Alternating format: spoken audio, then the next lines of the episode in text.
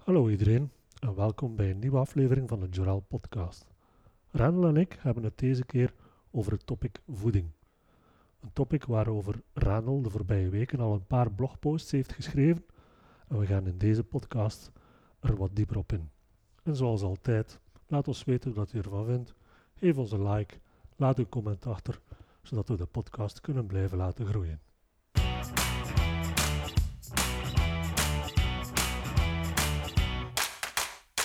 Hallo iedereen, welkom bij een nieuwe aflevering van de Joral podcast. Zoals gewoonlijk zit aan de andere kant Randall Vreken. Goedenavond Randall. Goedenavond, Stefan. Alles goed daar? Ja, zeker. Zijn bij u? Nog altijd thuis, opgesloten. Ah, voilà. Na Ja, al die weken nog altijd. De lockdown is nog altijd bezig. En ik denk dat we deze keer een, een goed topic hebben, die ook zeer relevant is in deze tijden, die eigenlijk in alle tijden relevant is. En vandaag gaan we het hebben over voeding. Voeding, daar kunnen we veel over vertellen, denk ik. Hè? En Ja, daar kunnen we wel iets mee vullen. ja, we gaan het proberen dat te beperken tot eh, een goed half uur deze keer. Ehm, maar er zullen er waarschijnlijk nog wel podcasts komen, indien er vragen komen vanuit onze community. Maar je hebt alvast al twee blogposts geschreven eh, over voeding de afgelopen weken. En Ja, ik heb daar toch wel eh, een paar vragen bij die zeker eh, ook onze luisteraars zullen interesseren. Ehm, in de eerste blogpost dat gaat over met de titel Voeding voor lichaam en geest. Iedereen kan deze blogpost op de site ook gaan bekijken en gaan lezen. Ehm, ja, hier zeg je ook alles wat je moet weten over voeding in minder dan vijf minuten. Ehm, yes. dat is, ehm, hoe zal ik het zeggen, een grote uitdaging om eh, binnen de vijf minuten alles over voeding te weten te komen. Maar het gaat hier vooral over de kernprincipes van voeding. En de eerste, het eerste kernprincipe die hier ehm, aanhaalt is, is, gaat over informatie. Maar kun je dat dus wat, wat duiden? Wat bedoel je daar precies mee? Ja, dus ehm, waarom gebruik ik eh, eh, die twee begrippen? hè? Want het zijn eigenlijk twee begrippen waar dat dan over gaat, eh, Mhm. informatie en energie. Mhm. Ehm, omdat heel vaak vergeten wordt dat, ehm, dat voeding ook als, als informatie fungeert in je lichaam. Dus wanneer dat je een bepaald voedingspatroon volgt, dan ga je ook een bepaald signaal uitzenden in je lichaam. Ehm, het is niet zo dat iemand, eh, of, of éénzelfde persoon, laat het ons daarop houden, als éénzelfde persoon heel zijn leven lang junkfood eet, of die eet eh, zijn leven lang een, ehm, een dieet van eh, onbewerkte voeding, dan gaat dat een andere signaal geven in het lichaam en een andere expressie van ehm, genen geven in het lichaam ook. En daar wou ik eigenlijk, eh, daar wou ik eigenlijk eerst op inpikken. Het is niet enkel hoeveel je eet, maar ook wat je eet dat, dat belangrijk is. En de reden daarvoor is dat de voeding eigenlijk ook een informatiedrager is. Dus uw, uw lichaam, die de voeding krijgt, kan informatie halen uit die voeding. Ja, wel, natuurlijk niet in de, in de zin, ehm, of niet eh, in de ehm, zin dat wij denken dan aan informatie wanneer dan we het hebben over computers en dergelijke. En, ehm, maar het is wel degelijk zo dat eh, wanneer dat je iets eet, dat dat kan bepalend zijn, de verhoudingen waarin dat je eet, dat dat kan bepalend zijn voor eh, de expressie dat dan gebeurt van eigenlijk uw, uw genetica, van uw, laten we zeggen, van uw DNA. Dus wat dat eigenlijk in, in elke cel van uw lichaam ehm, sowieso al opgeborgen ligt. Zo kan het zijn dat een, eh, een bepaald voedingspatroon eerder, eh, eerder ontstekingen zal uitlokken, terwijl dat een ander voedingspatroon die eerder zal tegengaan. Dus het heeft echt invloed. Heeft het dan invloed op onze genen of, of gewoon op ons lichaam, op onze cellen? Wel, u, zeker ook op degene, uw, uw erfelijkheid ga je niet, eh, ga je niet zomaar gaan aanpassen. Hè? Dus, eh, maar, ehm, maar er zijn genen die ofwel aangeschakeld worden of uitgeschakeld blijven. En afhankelijk van hoe dat jij leeft en hoe dat je eet, gaat dat een andere impact hebben op, de, op deze genen. Hè? Dus door echt beter te gaan eten, gaan we ook ons lichaam de juiste informatie geven om de juiste genen aan te spreken die ons gewoon gezonder maken. Voilà. Dus daar komt het eigenlijk in, in heel eenvoudige taal, dus zonder te diep in te gaan op, op de, de biochemie erachter, uh, komt het daarop neer. Hè. Dus, uh, dus moet je ook altijd je voedingspatroon of je levensstijl zien als, als een boodschap dat je uitbrengt naar mhm. de cellen van je lichaam. En, uh, en je lichaam of je lichaamcellen gaan reageren natuurlijk op die boodschap. Uh. Het gaat ook veranderen uiteindelijk. Je lichaam gaat ook veranderen. Als je constant, ja, die, die, als je constant die slechte suikers, en je noemt het ook de geraffineerde suikers, opneemt, ja, dan, dan is het ergens normaal dat de, degenen die verantwoordelijk zijn voor overgewicht, um, gaan meer aangesproken worden. Daar komt het op voilà, neer. Voilà. Ja. Dus, uh, dus daarom dan ook, ook die analogie maken, om het allemaal een beetje uh, makkelijker te maken, dat ik die analogie maak met schakelaars. Die aangeschakeld mm -hmm. of, of uitgeschakeld worden. Dus uh, uw erfelijke aanleg ga je niet gaan veranderen, maar de expressie daarvan kan wel degelijk gaan veranderen. Dus dat is, in moeilijke termen is dat een genotype is dan zogezegd uw, uw erfelijke aanleg, maar uw fenotype is dan eigenlijk hoe dat tot de expressie komt. Mm dat gaat al redelijk diep gaan, alleszins. Ik denk dat voor de meeste mensen het vooral gaat over dat tweede kernprincipe, dan gaat het over die energie. Maar met de juiste informatie dat je nu hebt, kan je daar al mee beginnen. Als we naar het, tweede, naar het tweede kijken, naar die energie, um, dan gaat het, ja, op de simpele, de simpele formule is dan energie uit, hè, energie die we uitgeven, of verbranden dan, die moet in feite um, min of meer hetzelfde zijn als de energie die we innemen. Ja, tenzij als we echt willen gaan afvallen, dan moet die energie die we verbranden meer zijn de energie die we innemen. Daar komt het eenvoudig gezegd op neer dan. Ja, voilà. Eigenlijk zeg je daar inderdaad heel eenvoudig waar, waar dat het op staat, op energieniveau. Absoluut. En, um, en ook, ja, dat is eigenlijk iets, wanneer dat je dat vraagt aan mensen of wanneer dat je dat uitlegt, dat uh, redelijk logisch klinkt. Of ze hebben, ze hebben dat wel al ergens gelezen of gezien, of passen het misschien zelfs al toe. Maar toch merk ik dat ik nog altijd um, wel eens de vraag krijg van, maar kijk, ik, ik eet gezond. Um, dus, en dan geven ze soms een paar voorbeelden. Ik eet, ik eet noten, olijfolie, ik gebruik dat product niet meer maar toch verlies ik geen, eh, verlies ik geen vet. Eh, of, um, um, en, en dan, ja, daaraan merk je dan wel van, uh, dat, dat de energiebalans nog niet altijd goed begrepen wordt. Dus je kan, je kan ook de juiste informatie geven aan je -hmm. lichaam, je kan de juiste de dingen voeding, geven, ja. maar ja, voilà, dus uh, als voeding als informatie zien, maar je kan nog altijd te veel eten. Ja, ja. Dus met die twee componenten um, kan je ook het succes of het, of het falen van elk programma uh, gaan verklaren. En daarom dat ik deze blogpost uh, wou schrijven, want je kan ehm, uitweiden over alle soorten methoden van voeding, maar, maar dat zijn maar invullingen van, van deze twee kernprincipes. Mm -hmm. Mm -hmm. En als dus die twee principes, als je die weet in je voordeel te gebruiken, ja, dan ga je, dan ga je natuurlijk vooruitgang boeken. Maar aan de ene kant zou men allee, toch mogen verwachten dat het zeer um, standaard principes zijn, die men al weet van oké, okay, we mogen niet slecht eten en we moeten inderdaad niet te veel eten als we eigenlijk, zoals nu, alle dagen thuis zitten en onze activiteit is serieus beperkt. Dat zijn dingen die, die, die men al weet ergens. Dus waar, waarom is dat dan nog altijd zo'n groot probleem dat men ja, toch niet snapt.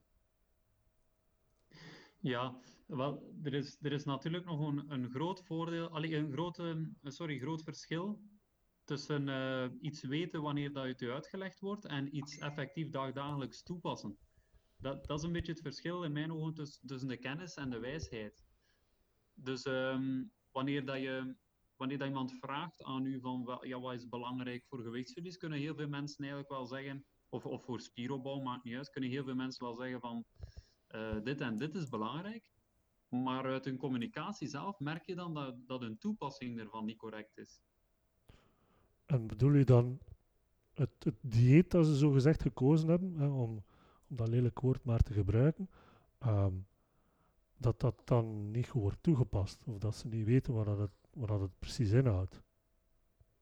Ja, om, om daar eigenlijk, dat, dat zou nog het onderwerp zijn van nog een compleet andere podcast. eigenlijk, vaak heeft dat dan weer te maken met de, met de mindset, hè? de geest die, uh, die spelletjes speelt. Hè? Dus, uh, en die u ergens uh, uzelf ervan overtuigen dat je de zaken goed doet, terwijl dat je, als je ze objectief analyseert, dat ze eigenlijk niet goed zitten. Dus een vorm van zelfsabotage vanuit het brein. Hè? Ja, je denkt dat je goed bezig bent, maar op de weegschaal, daar zie je wel andere dingen. En voor mij persoonlijk is dat ook iets dat, dat, dat blijft ook een uitdaging om, die, um, om dat in orde te krijgen. Want het is op zich, ik weet de theorie en, en ik weet wat ik moet doen. Ik moet goed eten en op zich eet ik goed, denk ik dan. en is mijn energie inname um, ja, normaal gezien goed in, in de periode waar ik nu zit in mijn trainingsschema. Maar toch voel ik dat het toch nog ergens iets ontbreekt in mijn situatie, waardoor dat ik ergens op een plateau kom, dat ik niet voorbij raak. Zo van, ik zit op dat gewicht en ik zit op dat vetpercentage, maar komt er niks bij, komt er niks af. En, en toch eet ik goed, en steek ik de juiste informatie in mijn lichaam. En dan denk ik wel dat, dat mijn energieuitgave dan goed is tegenover mijn energieinhaven. Maar het, het blijft toch een uitdaging. En de vraag is dan van, en nu? Als je met die informatie nu de juiste dingen aan het doen bent, is het dan echt enkel nog tot in detail gaan noteren wat je effectief doet. Om te kunnen zien waar dat het probleem zich nu, nu voordoet qua voeding. Ja, dus uh, in de praktijk zelf, het is nu zeer uh, ruim om daar nu uh, de vinger op te drukken, want het kan van alle oorzaken hebben natuurlijk. E eerst en vooral is het heel belangrijk om niet te analyseren op dag, dag op dag basis. Mm -hmm. Dus um, zo'n analyse kan je eigenlijk maar maken als iemand zeer um, ja, consequent eenzelfde patroon uh, weken volhoudt en daar dan eigenlijk een, een, een um, conclusie uit trekt. En daar ja, pak ik toch een tijdspanne van minimum twee weken. Mm -hmm. Neem nu dat we gaan kijken van oké, okay, twee weken lang heb je dit gedaan en wij, we evalueren um, de, de progressie en we zien van oké, okay, ja, daar, daar zitten op een plateau, dan kan je een uitspraak doen. Mm -hmm. um, wanneer dat daar nog te veel schommelingen in zitten in de voeding, en uh, dit is nu niet voor u voorbeeld, maar ja. algemeen dat ik spreek, Um, ja, dan kan je al bijna geen uitspraak meer doen. Dus als er in het weekend bijvoorbeeld uh, twee pieken in zitten van uh, calorieinname en, of energieinname, als we de, de mm -hmm. termen blijven gebruiken, dan, dan moet je al die in rekening brengen en dat, dat wordt vaak vergeten. Plus dat je daar ook met de slaap zit bijvoorbeeld. Um, vaak kijk ik dan ook naar de slaap, wanneer dan mensen zeggen van ja, ik heb, uh, ik heb al honger en ik eet nogthans voldoende. Ik eet rond onderhoud, ik heb nog altijd honger. En ik ga de slaap dan uh, gaan evalueren. Ja, dan merk ik dat er dikwijls sprake is van wat slaapdeprivatie, een aantal slechte nachten. En dan kan je eigenlijk op een hongergevoel zelfs niet meer afgaan. Ja. Dus, dus dat zijn allemaal zaken die moeten, ja, die moeten geëvalueerd worden, die moeten opgevolgd worden. Want dat is eigenlijk de biofeedback, de feedback die je lichaam geeft en die aangeeft uh, hoe goed of hoe slecht dat je op die moment bezig bent. -hmm. En dan komen we bij, bij uw volgende blogpost. Want dan, in mijn situatie ook, dan, dan denk ik daarover van, als ik die blogpost nu lees, je tweede die gaat dan over uh, de echte reden waarom diëten zo zwaar is. En komen we bij de term homeostase. En, dat, dat heeft voor mij wel wat aanrakingspunten met de situatie waar ik nu ben. Maar leg eens uit, wat is precies homeostase en, hoe, verhoudt zich dat nu tot, tot uh, onze voeding? Ja, dus ja, homeostase is, is in feite, ja, dat kan je zien als, als de drang uh, van organismen. Eh. Uiteindelijk, een mens is, is ook niet, niet veel meer dan een organisme. Uh, dus de drang van een organisme om zijn systemen in balans te houden. of te brengen, zijn systemen in balans te brengen wanneer dat er een verstoring is van, van dat evenwicht, van dat intern evenwicht. Nu, dat is, dat is waarschijnlijk moeilijk om, om te vatten voor mensen die niet uit de, uit de fysiologie of biologie komen. Dus om mij een voorbeeld aan te geven, ehm, ja, wat gebeurt er als je kou hebt, als je lichaam merkt dat de temperatuur begint te dalen, dan begin je te rillen. Mm om het lichaam op te warmen en de bloedvaten aan, aan de periferie, aan, aan het oppervlakte, uh, die gaan dichtknijpen om, om daar geen afkoeling uh, van het bloed eigenlijk te gaan hebben. Omdat dat bloed dat loopt aan de oppervlakte, de oppervlakte is, is wat koeler. Dus zo zou je te veel afkoelen, dus die worden wat dichtgeknepen. Dat gaat allemaal automatisch. Mm -hmm. Dat is je lichaam eigenlijk die, die streeft naar homeostase, die zijn temperatuur uh, wil behouden binnen de, binnen de norm. Hè? Uh, hetzelfde als je, als je te warm hebt, ga je zweten, waardoor dat de, de verdamping van het zweet uh, ga je afkoelen. Dus opnieuw een voorbeeld van um, op, op lichaamstemperatuurvlak, hoe dat je lichaam probeert zijn evenwicht te behouden. Mm -hmm. Nu met voeding. Met voeding zitten met een dubbel luik in feite, zeker wanneer dat we spreken over diëten. Um, of, um, of dat je de term diëten nu wil gebruiken of niet. Uh, bijvoorbeeld wanneer dat je een calorietekort um, in een calorietekort gaat, hè, een caloriedeficit gaat, om uh, vetpercentage te minderen, ja, dan ga je merken dat, dat je, je lichaam gaat dat oppikken. Nee, je gaat minder gaan eten dan dat je normaal doet. Dus eigenlijk ga je weer een beetje weg van wat dat normaal is voor je lichaam. En dat gaat opnieuw opgepikt worden door je lichaam. En mm. dat, dat zet eigenlijk een soort van, ja, dat creëert weer een soort van spanningsveld. Hè. Dat manifesteert hem dan in honger. Je krijgt honger, een signaal van je lichaam om weer een beetje meer te gaan eten en weer dat evenwicht te gaan herstellen. Ja. En dat is een fysiologische component. Neem nu dat je overdrijft, dat je, dat je veel te extreem gaat, dat je, dat je bij wijze van spreken dagdagelijks 2000 calorieën verbruikt en plots op 1000 calorieën gaat, of je doet mee aan, aan Expeditie Robinson, zo, waar dat je bijna niks meer kunt eten, dan, dan gaat je lichaam gewoon zorgen dat je dat overleeft. Dus als je dat lang genoeg doet, dan gaat je, je energieverbruik zelf, hoeveel energie dat je gaat verbruiken, gaat gaan dalen. En je lichaam kan dat doen door een paar systemen op standby te gaan, te gaan zetten en niet meer op volle kracht te laten draaien. Maar dat wil dus zeggen dat als je in zo'n situatie bent, in het extreme geval die van Expeditie Robinson, ja, als je ziet welke proeven dat die daar allemaal moeten doen, um, die verbruikt toch massas veel energie. Ook al, ja, absoluut. maar je lichaam gaat toch nog het, het, aantal, het aantal calorieën dat je nodig hebt, gaan verlagen, omdat je veel minder gaat eten. Maar hoe, ja, hoe, als compensatie. Ja. Maar hoe kunnen ze dan die, die prestaties nog leveren? Dat is natuurlijk Wel. goed in beeld gebracht, maar als ik dan uh, in een gewone situatie, uh, je traint, je traint, je blijft trainen en je gaat ook telkens in calorietekort gaan, uh, de zogenaamde kut of gaan diëten, hoe dat je het ook wil noemen.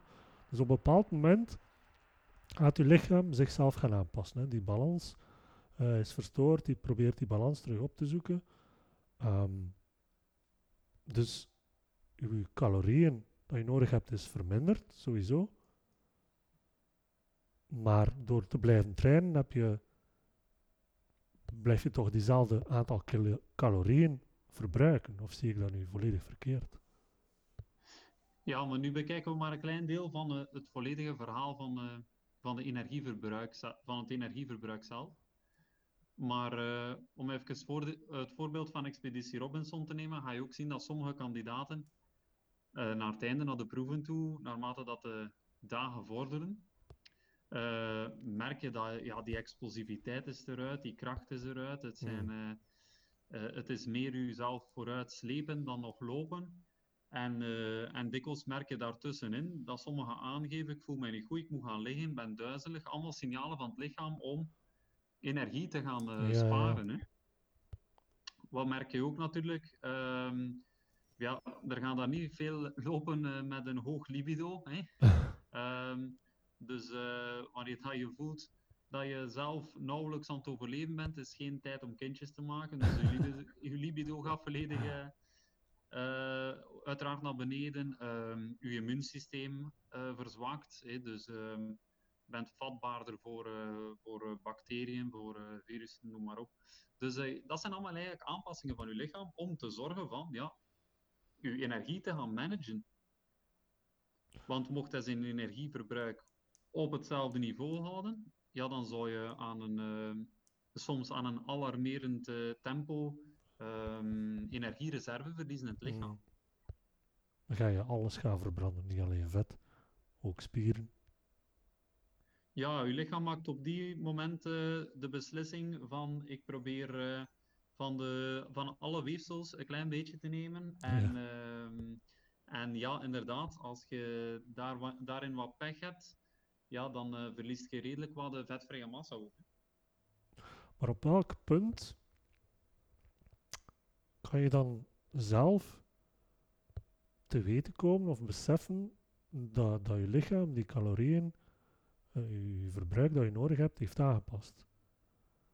Kan je dat merken door inderdaad dan je futloos te gaan voelen? Of, of hoe kan je dat zelf gaan, gaan meten, zeg maar? Ja, absoluut. En dat, dat is ook wat ik tegen u uh, ook al zo vaak zei. En, uh, en dat ook uh, de Joelle-atleten gaan dit nu op deze moment ook, ook natuurlijk herkennen. Um, ik, ik, vraag altijd van, van drie factoren in de gaten te houden: energie, honger en gewichtsverlies. Hè.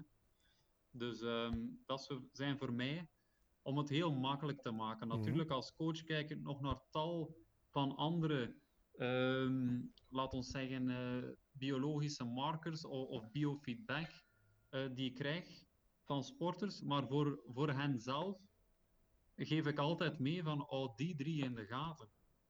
Honger, energiepeil en, en uw, uh, uw gewicht zelf. Wanneer dat we merken dat de, de honger... Uh, de honger, honger neemt toe wanneer dat je in een caloriedeficit zit. Dat, dat is niks om je zorgen over te maken. Zelfs in een normaal caloriedeficit, ja, dat, dat, gaat, dat gaat gebeuren. Anders heb je waarschijnlijk geen deficit. Er zijn natuurlijk ook weer uitzonderingen daarop. Ja. Ik wil daar altijd. Daarom dat je ook echt, echt ja, iemand moet hebben die, die, die de fysiologie begrijpt. Mm want, want in bepaalde stresserende omstandigheden kan het ook zijn dat je geen honger hebt, maar dat is dan weer iets anders. Ja. Maar in normale omstandigheden, in een caloriedeficit, ga je te maken hebben met honger. Dat, mhm. dat zie je bij alle fitnessatleten die niet gebruiken, die, die dus geen farmaceutische middelen gebruiken om dat op te vangen, dat, dat ga je dan merken. Ze zitten in een vetverbrandingsperiode en ze zeggen van ja, ik heb continu wel een klein beetje, klein beetje honger, maar dat is tolereerbaar, dat houdt mij scherp, uh, dat bepaalt mijn leven niet. Maar op een bepaald moment gaat die honger zodanig toenemen, soms, soms exponentieel beginnen toenemen, dat uh, dat echt, uh, ja, hoe moet ik het zeggen, uh, niet ondraaglijk, maar dat toch wel scherp toeneemt. Mm Vaak gaat dat ook gepaard een beetje op dezelfde moment met een energieval. En dat zijn eigenlijk allemaal een beetje tekenen van, oké, we, we, komen, um, we komen een beetje aan een periode dat we, dat we de stofwisseling even uh, terug een klein boostje moeten geven. Het is niet echt een boost, het is meer een beetje terugtrekken naar baseline. Boosten is meer boven baseline brengen. Eh. Maar, uh, maar vanuit de situatie dat je daar zit, spreek ik dan van een boost, omdat je ja, ze beginnen een beetje luid te worden, laat ons zeggen. En we gaan ze weer een beetje opkrikken. We gaan weer die hormonen uh, uh, weer een beetje stabiliseren.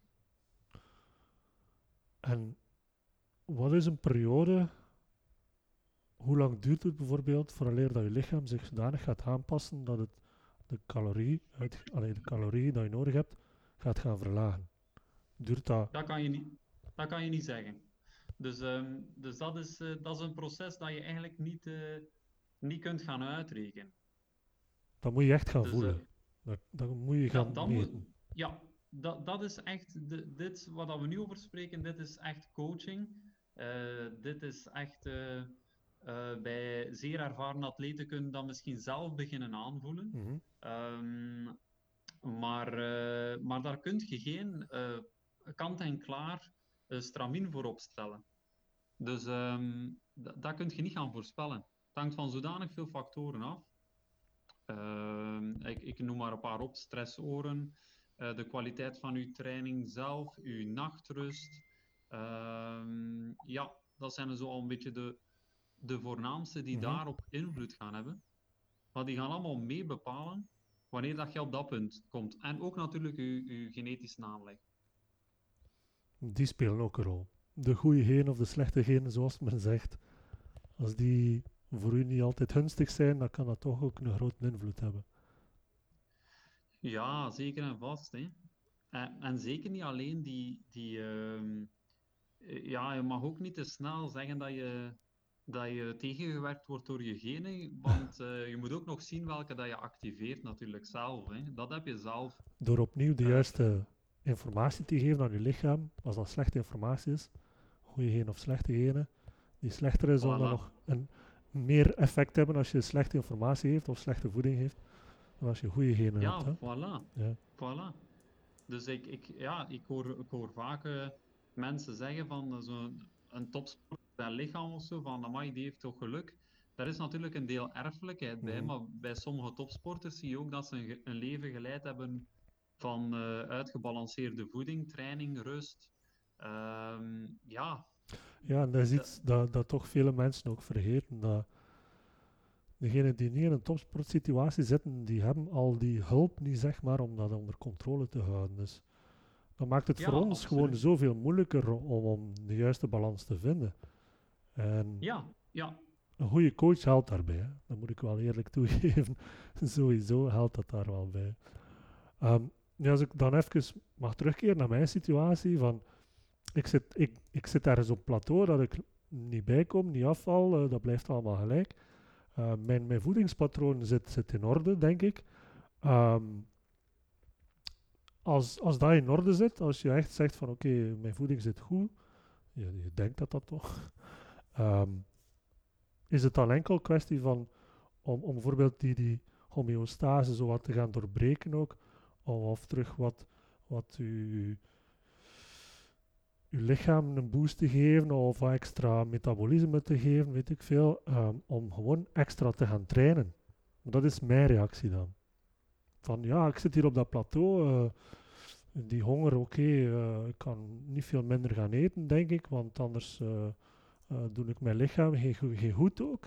Wat, kan, wat kun je dan doen? Mijn insteek is dan, ik ga gewoon wat meer gaan lopen. Ja, ja. Oké, dus ehm, ja, neem nu dat je, ehm, dat je nog eh, in een caloriedeficit zit en je stofwisseling begint te verzwakken.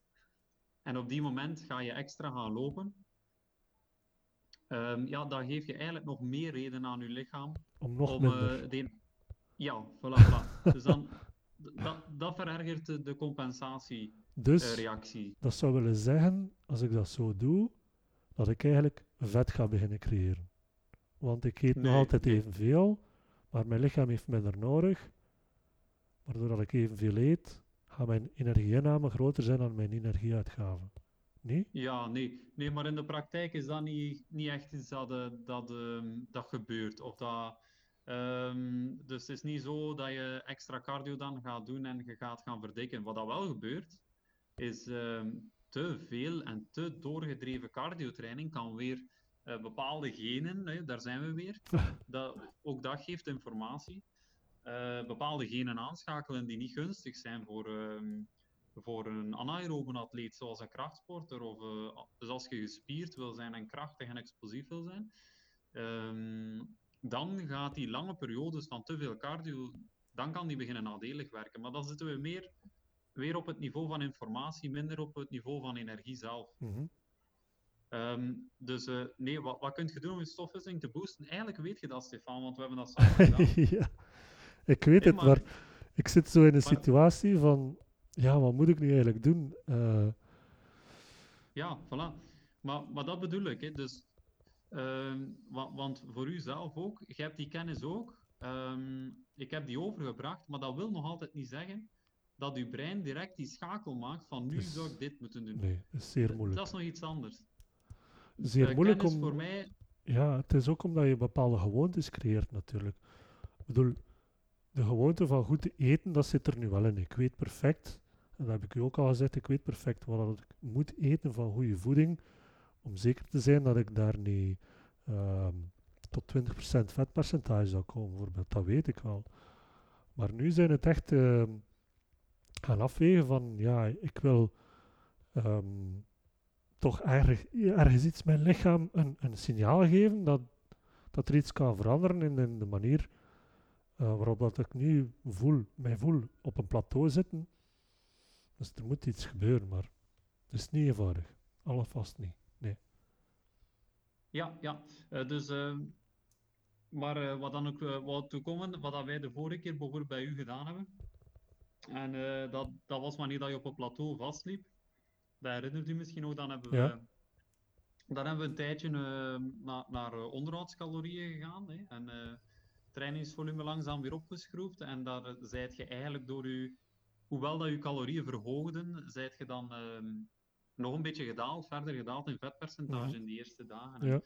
En dat, dat was bijvoorbeeld een voorbeeld van je stofwisseling die ehm, opnieuw begint naar, naar, naar baseline uh, te gaan. Hè. En dat is, uh, dat is de oplossing op die moment. Uh, maar ook weer daar, ehm, mensen willen dan vaak een, een pasklaar antwoord van drie dagen of vier dagen of een week of twee weken.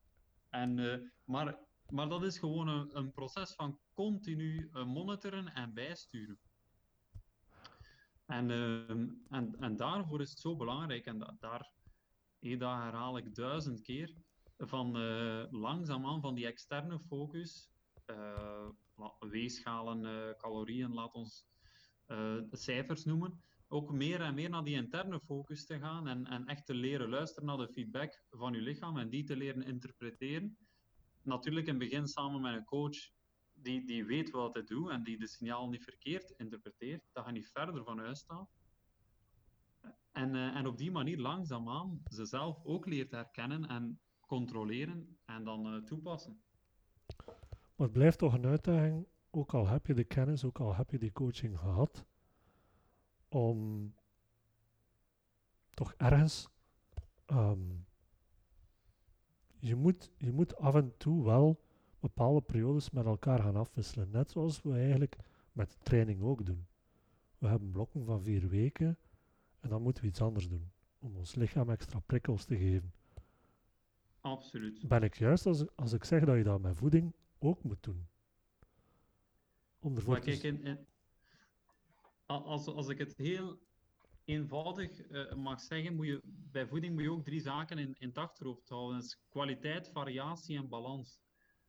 Kwaliteit van je voeding um, is bepaald natuurlijk voor de informatie. De variatie is super belangrijk. Om, uh, om, ja, dat spreekt ook wel nogal uh, redelijk voor zich. Um, door een variatie van wat dat je eet, ga je zorgen dat je alle essentiële voedingsstoffen binnenkrijgt enzovoort. Dat je niet te eentonig gaat uh, eten. En daarnaast is er de balans natuurlijk. De balans is dan, uh, slaat dan meer op de energie. Mm -hmm. Als je die drie zaken onder controle krijgt, ja, dan, ja, dan ga je langzaam evolueren naar, naar wat dat je genetica toelaat. Hè. Um, zolang dat je natuurlijk die een derde, die balans is dan zeer belangrijk weer om te gaan fine-tunen van oh, ik wil nog iets minder onderuit vetweefsel, ja, dan ga je daar vooral gaan mee spelen. Maar zoals dat je zegt, het blijft, het blijft eigenlijk een, een, een werk van uh, continuïteit. En de grootste, of wat dan ik zie als het grootste struikelblok bij mensen is, um, gewoon uh, aan het plan houden, blijven, consistent het plan aanhouden zonder te gaan zoeken van kan ik het niet een klein beetje gaan nog versnellen, verbeteren, vertragen, opzoeken, een keer iets anders. De, de, deze studie zegt dit of deze trainer ja. zegt dat. Een keer proberen dat stukje daarbij te nemen, om duur zitten met een puzzel die niet meer klopt. Dus, uh, en je verliest uiteindelijk uit het oog de twee belangrijkste principes die je doel gaan, gaan uh, gaan bepalen of dat je het bereikt of niet. En dat is die informatie en die energie. Omdat je zodanig met trivia bezig bent.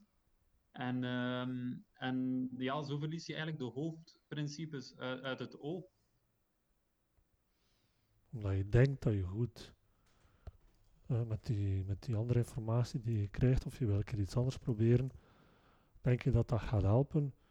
Maar door opnieuw je patroon dan te gaan doorbreken, dan weet je gewoon niet meer waar je zit. En je hebt geen houvast meer. Hè? Nee, nee.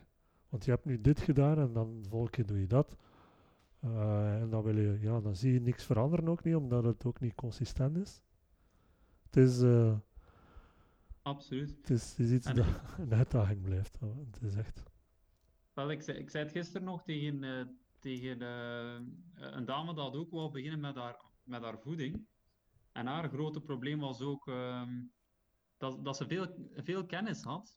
Dus er stonden veel boeken in de kast, zeg ik dan. Hè. Dus in de hersenen zat veel kennis, maar, uh, maar de toepassing daarvan ontbrak ook. Um, dus zij had een, een, een, gebrek aan routine, een gebrek aan een kapstok. Mhm. Ik zeg vaak, zorg dat je een kapstok hebt.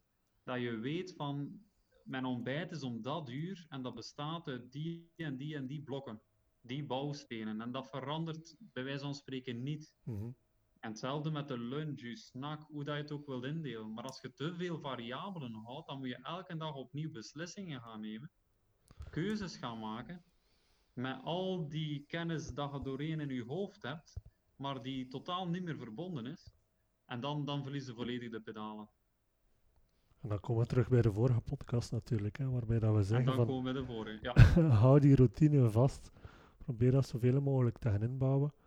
Want het creëert ook, zoals dat je in je blog zegt, dat creëert een, een spanningsveld op het moment dat je die vast niet meer hebt. En dat geeft dan ook weer weerslag op je mentale toestand en dan geeft dat misschien stress. Hè? En, en ook dat geeft dan weer invloed op je calorie-inname en uitgaven enzovoort. Hè?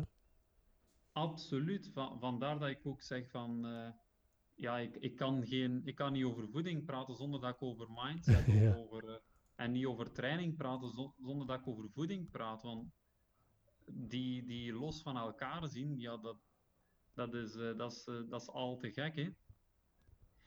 Ik denk dat de boodschap vooral is, oké, we hebben, ook op de site staat er een blogpost over ehm, de verhoudingen van, van groenten en van, van ehm, koolhydraten tegenover eiwitten. Ik denk dat dat redelijk eh, duidelijk is. Dat iedereen zich wel daar wat kan in, in vinden en kan aanhouden, maar de boodschap is vooral van die routine en ook die biofeedback dat je zegt, van op een bepaald moment te beseffen van ik zit hier op dat plateau en, ik moet opletten dat ik eh, geen, geen, niet te sterk ga afwijken van, van het plan, omdat ik anders dan volledig de, ja, de pedalen ga verliezen. Ja, ja, absoluut. absoluut. Je, je moet je kapstok, die, die moet je eerst op zijn plaats hebben. En dan als je wilt opbouwen, eh, spiermassa opbouwen, dan kan je daar een klein beetje bij hangen aan de kapstok. En wilt, wilt je een klein beetje vetpercentage verliezen, kan je een beetje gaan afhalen. Maar de bedoeling is wel dat je ergens, ergens wel een, een, een, een, een houvast hebt, dat je ergens een referentie hebt. Anders heb je geen idee, ben ik meer energie dan normaal aan het innemen, of ben ik minder energie dan normaal aan het innemen? En dan kan je proberen alles trekken, maar dan Ja. heb je nog altijd geen vat op hoeveel ga ik 's morgens eten, hoeveel ga ik middags dan eten. Dan, dan zijn mensen vaak nog, oei, ik moet nog 600 Ja. calorieën eten en het is s'avonds om 10 uur en dan, dan gooien ze rap wat eten binnen. Mhm. Ehm, ja, Minder goede slaap, stress. En dan begint ja, het. dat wisselt dan ook continu. Dus Mhm. je, je lichaam eh, gaat inderdaad dan eh, zijn slaappatronen worden aangetast. En dat is iets wat ik persoonlijk minder aanraad. Ja, het is ehm, een topic die, die nog vele jaren stof tot discussie zal zijn, alleszins. Maar ik denk wel dat ehm, mensen, en vooral onze community, u kunnen zeker gebruiken om, om die kapstok te kunnen opbouwen. Om tot een plan te komen dat we kunnen volhouden, dat we kunnen aanpassen wanneer dat we het nodig hebben. Dus ehm, ja, absoluut. ik zou zeggen, blijf die blogpost schrijven, Randall, zodat we blijven podcasts kunnen maken, dat we er kunnen over spreken, want het blijft wel belangrijk. Ook al zeggen we misschien soms drie of vier keer hetzelfde bij elke podcast, die mindset enzovoort, maar het, het, het moet gewoon gezegd worden. Het blijft gewoon te belangrijk om het niet te zeggen. Hè. Ja, en, en ja, de herhaling is daar, is daar eh, onvermijdelijk. Want, eh, want mocht iedereen onmiddellijk toepassen wat dat hij leert, dan zou het niet moeten herhaald worden. Maar dat is, dat is niet hoe dat, de, hoe dat een mens werkt. Oké, wel, ehm, bedankt opnieuw voor deze podcast, Randall. Bedankt voor uw informatie. Voor diegenen die nog vragen zouden hebben over dit topic, laat het ons alstublieft weten. Uh, dan behandelen we die vragen zeker in een volgende podcast. En er komen er nog veel, veel, veel meer. Um, want deze situatie zal nog wel even blijven duren. Dus we hebben zeker de tijd om er nog een heel aantal te gaan maken naar Randall. Ja, zeker. Ja, als mensen meer in detail willen of meer voorbeelden willen, uh, geen probleem, mogen ze het gerust laten weten. Of als er iets niet duidelijk was, dan moeten verklaren. Oké, okay, bedankt Randall. Nog een, heel, uh, heel graag gedaan. Een goede avond en we zien elkaar zeer binnenkort terug. Dank u wel. Ja, zeker en vast. Tot dan. Hè. Dag. Hè. Dag.